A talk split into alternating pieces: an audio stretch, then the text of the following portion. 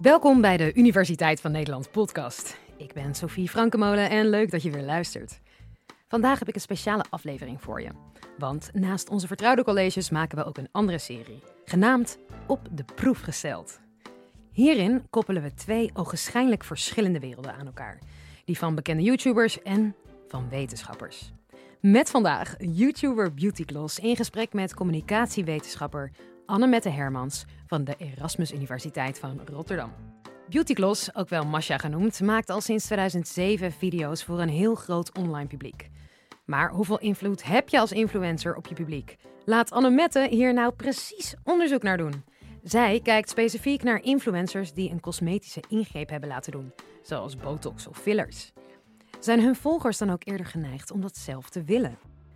Hoe dat allemaal werkt en of jij echt eerder botox wil omdat je op Instagram zit, hoor je in deze aflevering. Dit is de Universiteit van Nederland. Hey Annemette, Hallo. leuk je te spreken. Ja, superleuk. Eh, jij hebt onderzoek gedaan naar influencers. ja, klopt. Ja. Vertel waar dat precies over ging. Ja, ik heb eigenlijk heel veel verschillende soorten onderzoeken gedaan. Ehm, allemaal naar de normalisering van cosmetische ingrepen. En Mhm. dat heb ik eerst in Engeland gedaan en daarna in Nederland. Dus dat vond ik ook wel interessant om dan een beetje de verschillen te zien eigenlijk. En ons laatste onderzoek, dat is ook nog bezig. Maar dat ging heel erg over de invloed van sociale media en het volgen van influencers op cosmetic surgery acceptance en intention. Dus nou, hè, zoals ook in de header staat, zo van ehm, als je heel veel influencers volgt, ga je dan ook vaker zelf botox laten doen, fillers laten doen of iets anders aan jezelf laten sleutelen, zeg maar. Het is wel interessant dat je dan Engeland met Nederland vergelijkt. Want ik denk dat dat wel een hele andere wereld is natuurlijk. Ja, ik denk dat eh, de normalisatie wel verder gevorderd is in Engeland dan in Nederland. Dat weet ik eigenlijk wel zeker. Eh, ik heb ook gekeken bijvoorbeeld naar hoe cosmetische klinieken zichzelf presenteren op Instagram. En dan Britse klinieken met Nederlandse klinieken vergeleken. Ehm, en Britse klinieken zag je toch wel heel vaak ehm, mensen op het strand, heel veel influencers op het strand met een zeer goed gevulde bikini, laat ik het Mhm, zo zeggen. mhm. Ehm, en eigenlijk helemaal geen aandacht voor de medische kant, voor de risico's, voor de side effects. Eh, en in Nederland was dat wel iets meer, maar Mhm. eigenlijk ook heel weinig. Dat vond ik best wel schokkend. Ja. Oké, interesting. Waar komt dat eigenlijk vandaan, jouw eh, interesse in dit thema? Ja, goede vraag. Ehm, die krijg ik ook altijd. En het is, eh, ik was nou, een jaar of 12, 13 denk ik. En toen ging ik voor de eerste keer naar Londen met mijn moeder. En die dacht, oh, dat is goed voor haar Engels ehm, als ik wat tijdschriften voor haar ga halen. Ehm, en nou, ik die tijdschriften doorbladeren. En toen zag ik allemaal advertenties voor cosmetische ingrepen. Dus borstvergrotingen In tijdschriften? In tijdschriften. Ja, dus zeg maar het laatste stukje van dat tijdschrift was een en al advertentie. En, maar ook gewoon er tussendoor op metrostations. En ik Holy. dacht echt, holy hell, wat is dit? Ja. Ehm, dus toen was eigenlijk mijn interesse gewekt. En ja, dan toch ook programma's als Holland's Next Topmodel met een heel duidelijk ideaalbeeld. Mhm. ehm, wat je nu natuurlijk ook heel erg op sociale media hebt. Ehm, en dat is gewoon eigenlijk altijd bij me gebleven, in mijn achterhoofd gebleven. En nou, toen ging ik studeren en toen had ik de kans om hier naar te kijken. En ja, Want wat heb je goed. gestudeerd? Ja, het is een beetje een eh, eclectische achtergrond. Ik ben begonnen met eh, Engelse taal en cultuur. Mhm. eh, en daarna taalkunde. En daarna werd het steeds meer sociologie en media, communicatie. Dus ik heb allerlei Allerlei dingen, ja. ja, ja. En toen heb je, denk ik, een afstudeeronderzoek gedaan? Of? Ja, precies. En dat ging dus echt over de normalisatie van cosmetische ingrepen. En Mhm. ook kijken naar hoe reguleer je eigenlijk advertenties voor cosmetische ingrepen. Want Mhm. in Engeland hebben ze bijvoorbeeld geprobeerd ook om advertenties voor cosmetische ingrepen te verbieden. Gewoon überhaupt te verbieden.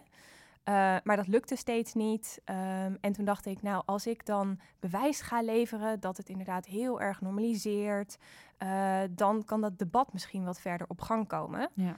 Ehm, maar uiteindelijk, ja, toen gebeurde Brexit en allerlei andere ellende. Ja, ja, ja. Ehm, dus, maar ja, dat is nog steeds wel iets waar ik mee bezig ben met Echt regulatie. voor daar, voor Engeland Ja, voor Engeland. en eh, Nederland. Ja, en in Nederland, nu ben ik ook wel aan het kijken naar de reclamecode. Want Mhm. in Nederland is er ook, of zijn er regels Ja. eh, met betrekking tot wat je wel mag doen en wat je niet mag doen.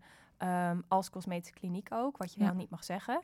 Niet dat alle cosmetische klinieken zich daar altijd aan houden, moet ik heel eerlijk bekennen.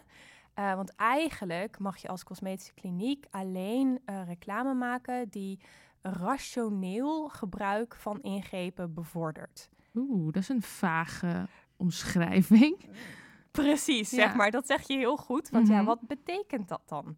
Geen winacties, toch heb ik wel eens gehoord dat dat eigenlijk niet mag. Ja, maar ik heb laatst weer contact met ze gehad, want ik kreeg zelf een e-mail van Groupon. Ehm, want ja, ik kijk natuurlijk heel vaak naar botox en fillers. Eh, erg leuk. Ja. Ehm, en dan krijg ik dus ook al die Groupon-e-mails, eh, de Facebook-pop-ups. ehm, Mhm. En ik heb daar een keer een compilatie van gemaakt en ik heb ze dat opgestuurd. Van ja, maar dit lijkt me toch niet de bedoeling. Mhm. Eh, en dan krijg je ook een heel vaag verhaal terug eh, met ja, oké, dan moet je officieel een klacht indienen, dan gaan we naar kijken. Maar het is heel lastig om, om te bepalen of iets wel of niet mag. Het is natuurlijk ook reactief. Ja. Dus de dingen zijn al de wereld ingeworpen en dan is het, oh ja, dit mag je niet nog een keer doen. Hè? Mhm. Eh, tik op de vingers. That's it. Eh, maar ik weet wel dat ze ermee bezig zijn Ja. met de reclamecode. Ja, ik heb toen een keer dat, eh, dat ik een filmpje had gemaakt over Precies. botox en lipfillers. En dat, nou, die, hebben- die ken jij. Ja. En toen eh, had ik echt in mijn achterhoofd, ik ga een informatief filmpje maken. En ik heb een hele bekende botoxarts eh, een berichtje gestuurd van ik wil het een keer proberen en mag ik het dan filmen? En hij zei ja hoor, tuurlijk, ik heb geen geheimen, oké. Want er was gewoon geen filmpje te vinden op YouTube van hoe gaat zoiets nou eigenlijk? Ik dacht, laat mij dan diegene zijn die dat filmt en gewoon uitlegt. Het was echt een video van volgens mij 45 minuten of zo geworden. En toen op het einde, toen, ze- toen wilde ik afrekenen. En toen zei die arts, je hoeft niet te betalen, is goed zo. Omdat je dat filmpje denkt, oh wat lief. En dat heb ik toen ook benoemd in die video op het einde. Van, nou, ik hoef er niet te betalen, maar ik, ik zeg het even bij deze. En toen heb ik dus ook inderdaad zo'n aanklacht gehad van de reclamecodecommissie. Iemand heeft de klacht ingediend, die vond dat het allemaal niet goed was en, en alles. En toen heb ik er echt zo'n soort van zitting mee gehad. En dat was best wel interessant, want ja, toen ging je inderdaad ook in gesprek over hoe en wat. En uiteindelijk heb ik wel gewonnen, want het was zeg maar, ze zeiden ja, je hebt het gewoon goed gedaan, want je hebt chronologisch verteld. Je had niet vooraf kunnen weten dat je het gratis zou krijgen, want dat klopt niet in het verhaal. Dus uiteindelijk was het allemaal oké. Maar eh, ja, ik dacht toen ook van, ja, waar is de grens dan? Want ik maak uiteindelijk een informatieve video. Ik heb denk ik veertig keer benoemd dat het niet voor jongeren is, weet je Ja. wel. Ik was toen zelf 30 geloof ik. Dus echt van, ik ben 30, het is voor mezelf. Oh. En, en dan toch inderdaad een klacht krijgen. Maar ja, aan de andere kant, als je het een keer wil doen, is het wel fijn als er een filmpje te vinden is hoe het dan soort van niet, ja, hoe zeg je dat? Commercieel, maar gewoon een soort van educatief, menselijk wordt gedeeld. Dat was een beetje mijn insteek. Ja. Maar ja, Ja, ja, want misschien kunnen we het wat meer ook over die video hebben. Ja, tuurlijk. Ehm, Ja, en ook de respons die je hebt gekregen. Want Ja. je hebt natuurlijk ook nog een follow-up video gemaakt. Ja. Ehm, dus nou, volgens mij hebben we ook eh, een stukje van de video. Mhm. Maar ik dacht wel op een gegeven moment van, weet je, ik zou zoiets misschien wel willen proberen, omdat ik benieuwd ben hoe het er dan uitziet bij me. En ik zou het dan heel erg willen filmen en uitleggen en hoe en wat en waar. Weet je, ik bedoel, ik ben Beauty Gloss. Of all people zou ik zoiets tot in de detail filmen en uitleggen en vertellen. En zeker ook omdat ik bijvoorbeeld dagelijks vlog, zou je kunnen zien hoe het dan gaat en hoe het eruit ziet enzovoort, zeg maar door de tijd heen. Want zulke dingen zijn niet permanent, dat is tijdelijk. En ik weet dat er kijken ook jonge meiden. En als er iets is wat ik nu wil meegeven als boodschap aan jullie is... Ik heb gewacht op mijn dertigste. En ik denk dat dat het meest verstandige is wat ik heb gedaan wat betreft dit soort beauty dingen. En ja, dat is eigenlijk de boodschap die ik ook aan jullie wil meegeven. Wacht er gewoon mee. Mocht je denken, oeh, oeh, ik zie Kylie Jenner en alles. Dat is leuk, maar wacht gewoon tot je wat ouder bent. Maar wat ik wel interessant vind, hè, je zegt zo van ehm, het moet heel erg uit jezelf komen. Ik ben hier niet echt beïnvloed. Maar kunnen we dat eigenlijk wel zeggen? Ja, dat weten we niet. Misschien ook wel, omdat toen natuurlijk ook met Kylie Jenner en zo, weet je wel. En iedereen die dat aan het doen was. Ik denk, misschien heeft dat je toch wel beïnvloed. Maar Ja, precies. Ehm, want dat, dat is een beetje mijn stokpaardje wel. Dat ik denk zo van ja, we worden natuurlijk constant beïnvloed Mhm. door allerlei factoren. En ook hoe je bent opgegroeid. En nou, wat ik al zei met Holland's Next Topmodel. Zeg maar al die andere media-invloeden. Ja. Ehm, dus ik denk wel dat daar zeker een invloed achter zit. Ja. Ehm, en cosmetische klinieken die geven je natuurlijk ook heel erg het idee van... Hè, het moet je eigen keuze zijn. Een beetje dat feministische discourse. Dat stoppen, dat stoppen ze er zelf ook al in. Zo van, hé, je doet dit voor jezelf, je doet dit niet voor iemand anders. Ehm, terwijl uiteindelijk, ja, is het natuurlijk ook beïnvloeding.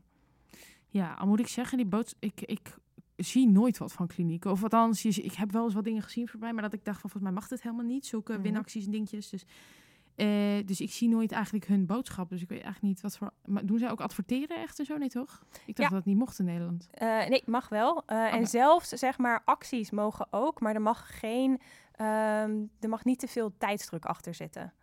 Eh, dat mag niet. Oh, oké. dus dat je zegt je moet binnen 24 uur reageren, bedoel je? Of? Ja, maar dat wordt dus alsnog soms wel gedaan, want dat heb Oké. ik dus net zelf weer gezien met Groupon. Oké. Ehm, maar acties mogen dus in principe Hmm. wel, maar het is allemaal een heel erg grijs gebied. Ja. Ehm, Ja, want ik kan me ook voorstellen, bijvoorbeeld bij beauty hoort ook laser ontharen en zo. Ja. Dat is dan, is dat dan, ja, ik vind dat niet vallen in categorie botox of zo, maar dat is dan wel weer meer dan, dan je laten waksen, bijvoorbeeld. ja, ja, het is wel een cosmetic procedure. Ja, Ja, ja, precies. Eh, dus wat we ook zeg maar met dat eh, huidige onderzoek hebben gedaan, is dus dat we ook naar al die verschillende cosmetische ingrepen hebben gevraagd. Dus nou, hè, dingen als botox, borstvergroting, maar ook laser, Ja. peeling, dat hoort ook allemaal bij eigenlijk. En dat zijn dan dus de niet-invasieve ingrepen. Ja. Ehm, maar ja, ze horen er wel bij, zeker. Ja. En eh, doe je dan, op wat voor manier doe je dan onderzoek? Ga je dan echt, spreek je dan mensen? Doe je dan enquêtes? Eh, Ja, ja eh, nou eigenlijk mijn achtergrond is dat ik kwalitatief onderzoek doe. Dus ehm, zelf doe ik heel veel inhoudsanalyses, eh, spreek ik met heel veel ja, mensen. ja. Ja, focusgroepen gedaan met Mhm. zowel mannen als vrouwen. En Mannen hoe kom je aan die mensen? Ehm, hoe kom ik aan die mensen? Over het algemeen ehm, zijn er ja, groepen zeg maar, waar je via sampling kan doen. Eh, in Engeland heb ik echt zelf heb ik allemaal posters opgehangen. Oh, echt? Ja, heb ik echt posters opgehangen. Eh, en dat was wel een beetje optimistisch, want echt na drie maanden had ik twee mannen die zich hadden ingeschreven.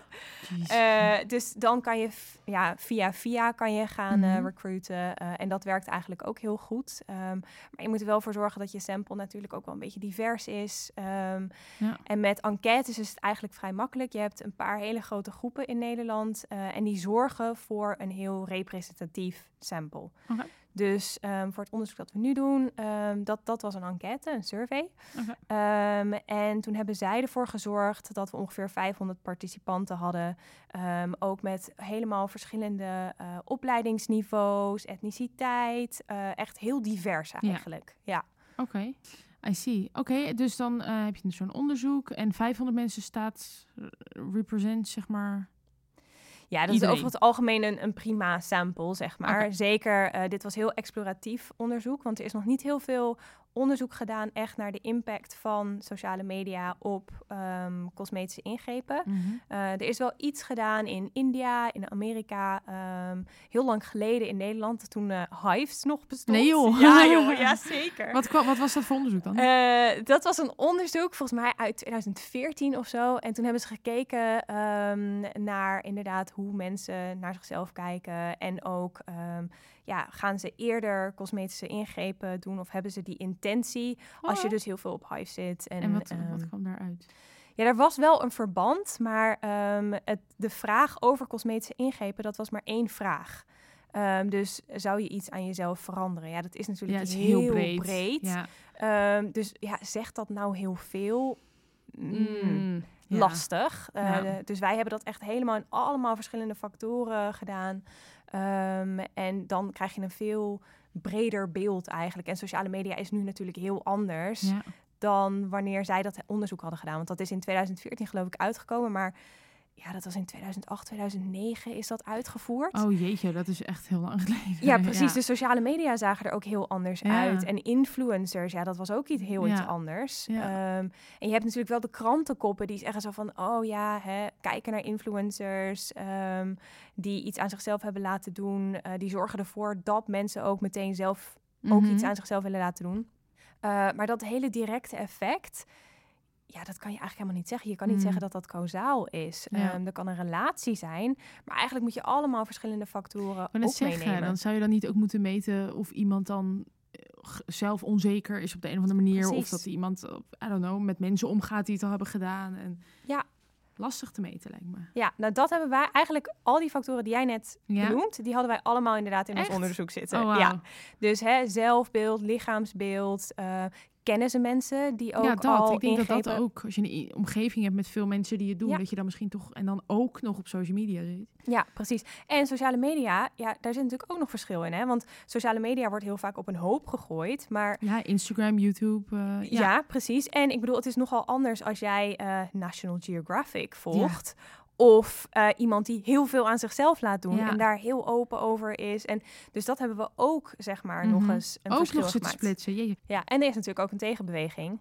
Eh, dus je hebt ook steeds meer influencers die heel erg bezig zijn met body positivity, body neutrality. Ja. Dus dan kan je ook nog kijken zo van, hè, wat voor effect heeft dat? En nou, Mhm. daar zijn ook studies naar gedaan. Eh, en daar komt niet echt een heel eenduidig antwoord uit. Maar er zijn wel studies die ook laten zien... Zo van het volgen van mensen die heel body positive zijn... kan juist ook weer echt een positief effect hebben op eh self-esteem... en hoe dat is mensen naar hun lichaam kijken. Ja. Niet per se. het is niet een eenduidig antwoord wat we hebben op dit moment... Eh, maar ja, dat is natuurlijk ook wel interessant. Ja. Eh, ik weet niet of je daar zelf ook heel erg bewust van bent, van body Ja, positivity. ja, ja. En, Ja, nee, ik vind het zelf ook een interessant onderwerp. En ik ben altijd heel erg van mening van eh, niet, niet uitgebreid alleen over, ergens over praten, maar het dus ook echt laten zien. Dus ik ben heel erg van, weet je wel, dan vlog ik mezelf in de ondergoed of zo. En dan zie je me helemaal kronkelen en dan zie je allemaal rolletjes en zo. En dan krijg je ook echt comments van, oh wow, dat vind ik zo bijzonder om te zien dat jij dat, jij dat gewoon zo filmt. En ik ga dan ook minder aan mezelf twijfelen. Denk ja, jij doet het ook gewoon, weet je wel. Zo rondlopen en scheid hebben, bij wijze van. Dus eh, ik geloof eh, zeker dat dat ook eh, met invloed te maken heeft op zo'n manier.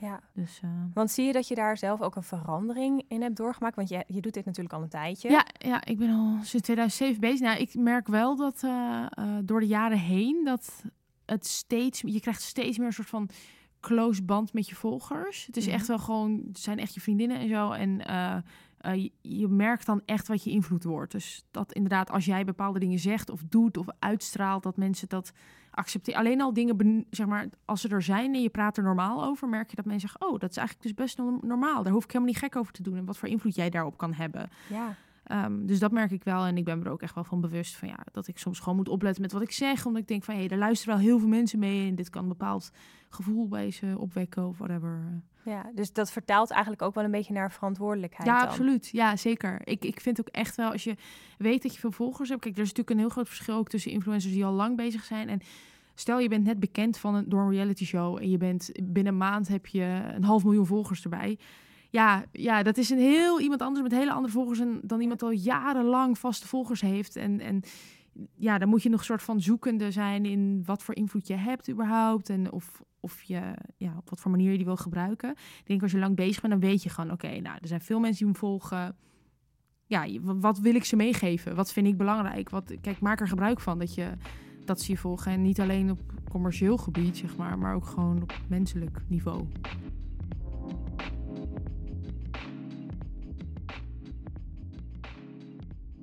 Oké, even terug naar jouw onderzoek. Eh, die eh, enquête, hoe, hoe, wat, waar, hoe ging dat? Hoe, wat, waar, hoe ging Vertel. dat? Oké, nou, ik zal het eh, een beetje ehm, proberen samen te vatten. Ik moet zeggen, dit heb ik ook niet alleen gedaan. Oké. Dit heb ik met Sophie Boerman en Jolanda ehm Veldhuis heb ik dat gedaan. Ehm, en wat, daar, wat we er hebben gedaan is dus een survey. En we hebben dus gekeken naar sociale media gedrag. Dus gekeken naar, oké, wie volgen mensen? En dat waren dan influencers die dus cosmetische ingrepen hebben ondergaan. Ja. Maar ook influencers die niks hebben ondergaan. Eh, allerlei verschillende soorten accounts ook. Dus nou, hè, National Geographic, Nike, maar ook bijvoorbeeld eh, de Veldhuiskliniek of Faceland eh, of beauty brands. Dus echt gekeken naar, oké, wat doen mensen nou eigenlijk op Ja. sociale media? Eh, dan hebben we gekeken naar allerlei verschillende persoonlijke factoren. Dus het zelfbeeld van mensen, het lichaamsbeeld van mensen. ehm, of ze mensen kennen die al cosmetische eh, ingrepen hebben ondergaan.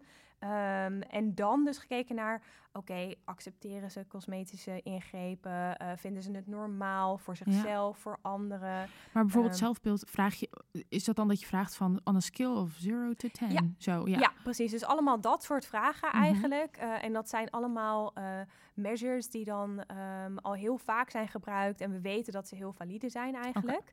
Eh, en dan hebben we ook gekeken naar de waarschijnlijkheid dat iemand een cosmetische ingreep eh, zal ondergaan. En dan Ja. mochten ze dus voor allerlei verschillende cosmetische ingrepen konden ze invullen zo van, nou, dit zou ik doen of dit zou ik echt nooit doen. Dus Ja. dan hadden we een schaal van 1 tot 7. 1 nooit, 7 definitely zou ik morgen doen als het zou kunnen. Ja. Ehm, en dan hadden we dus een beetje gekeken naar relaties. En wat we zagen is dat wanneer mensen ehm, influencers volgden die cosmetische ingrepen hadden ondergaan, ehm, dan leek het zeg maar alsof ze inderdaad veel sneller ook zelf iets aan zichzelf Hmm. wilden laten doen. En dat effect bleef ook staan.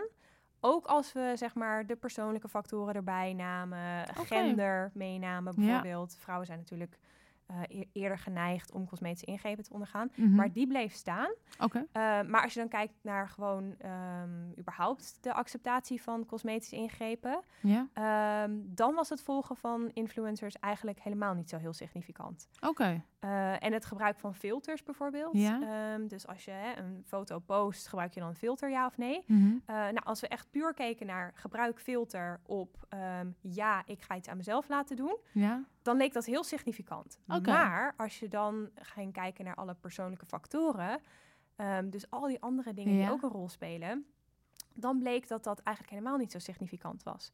Dus andere factoren zijn dan relevanter Mhm. dan het volgen van influencers. Oké. Dus het is eigenlijk een veel ja. genuanceerder beeld dan wat bijvoorbeeld krantenkoppen of eh, hè, Ja. eh, eh, de ja, dingen die je normaal gesproken hoort. Ja. Het is eigenlijk veel genuanceerder dan dat. Goh. Ja. Maar goed, maar er is wel een, een connectie daar. Er is een connectie, ja, maar als we bijvoorbeeld kijken naar alle influencers en influencers die geen cosmetische Ja. ingrepen hadden ondergaan, dan lijkt, en ik bedoel, dit zijn voorlopige resultaten, dan lijkt het een negatief effect te hebben. Dat mensen dus Hmm. minder snel cosmetische Aha. ingrepen zouden laten doen. Oké. Dus er zit wel degelijk een verschil tussen influencers die iets aan zichzelf hebben laten doen Ja. en influencers die niks aan zichzelf Ja. hebben laten doen. Dus daar lijkt wel een verschil in te zitten. Oké. Oké. Ja. Ja, heel genuanceerd. Ja, ja ik probeer heel snap ik, genuanceerd, ja. eh, dit in-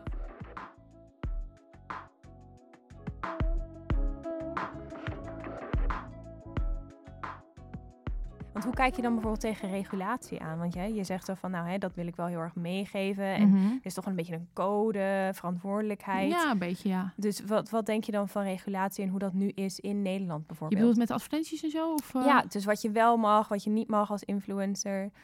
Ehm, Ehm, ja, er, weet je, er zijn natuurlijk een soort van ongeschreven regels, denk ik. Mhm. Ik denk dat iedereen wel een beetje, ja, het is gewoon net als als je voor een grote groep mensen spreekt, wat je wel niet doet.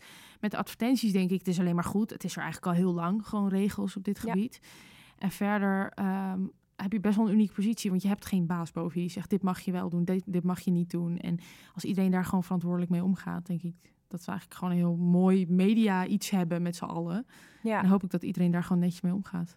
Ja, dus niet zoals in Engeland of als in Noorwegen, waar er nu echt wel duidelijk regulatie is. Ook best Ja, je streng. bedoelt met die, met die filters en zo. Ja, ook, eh, bijvoorbeeld. ja, ja. nou in Engeland ehm, hebben ze nu gekeken, eh, of dat is eigenlijk hun reclamecodecommissie, Mhm. eh, de Advertising Standards Authority.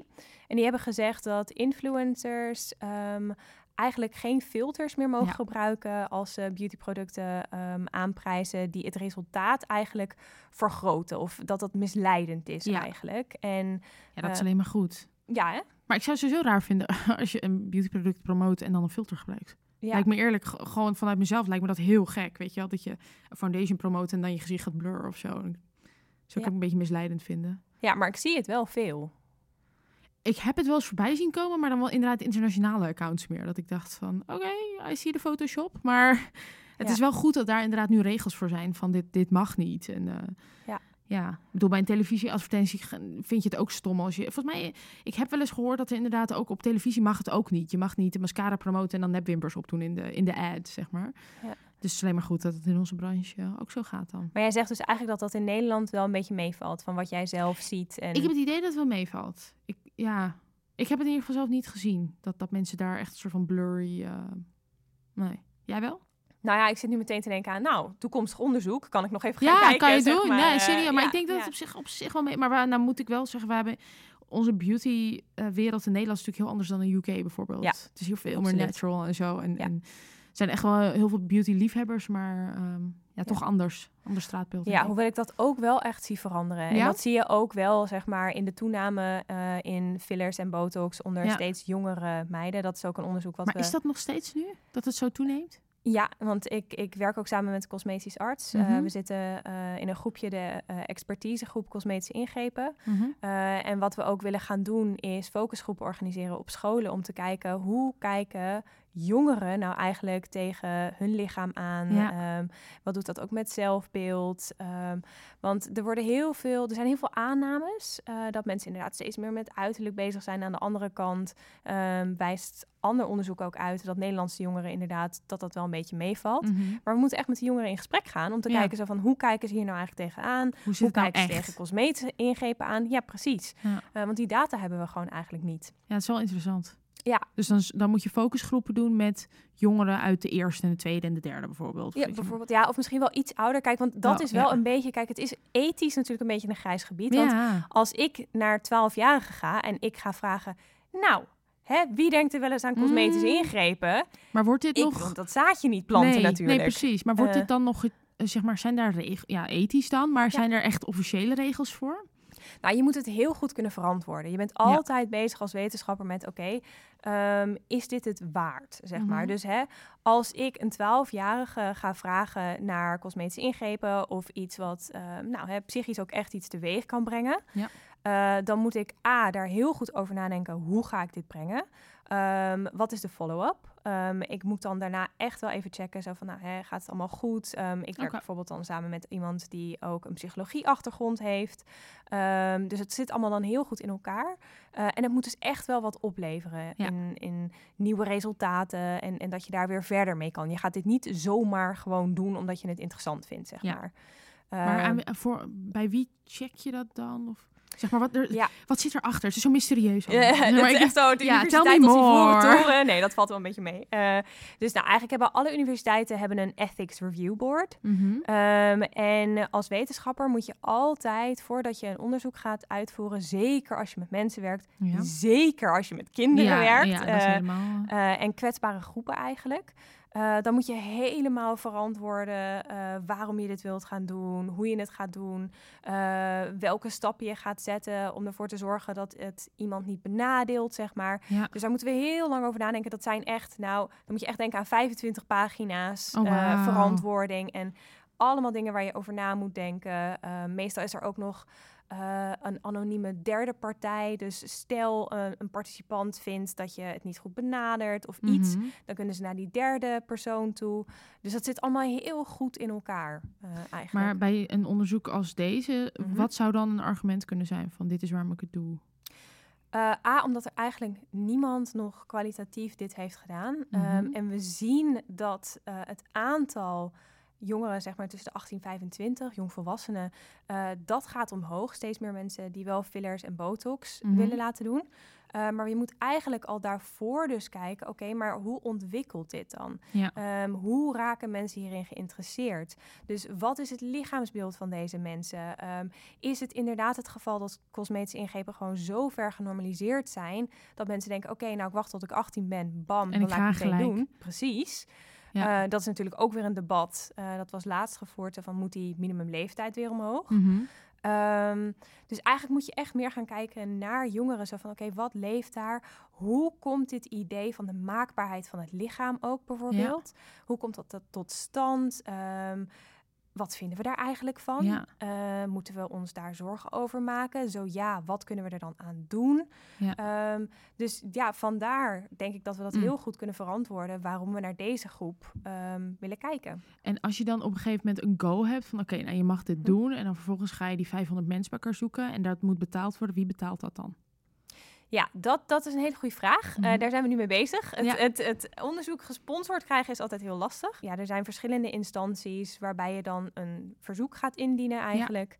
Ehm, en dan gaan zij kijken naar, oké, is dit inderdaad heel belangrijk? Ehm, ben jij de juiste persoon om dit onderzoek uit te voeren?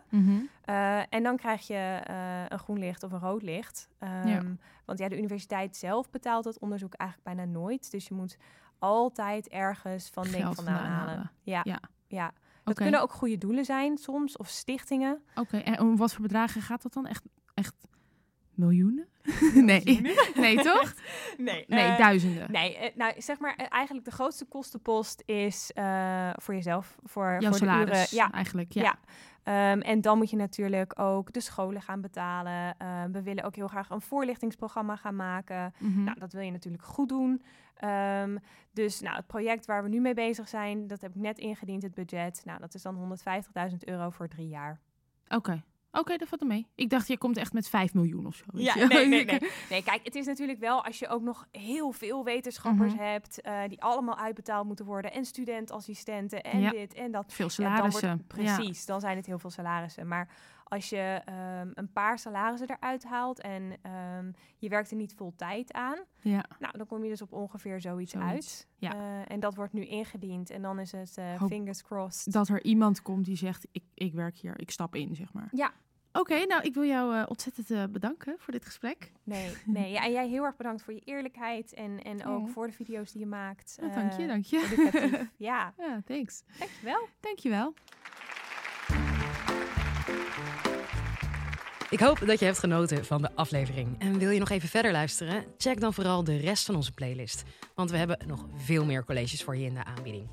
En er komen er elke week twee bij. Tot de volgende!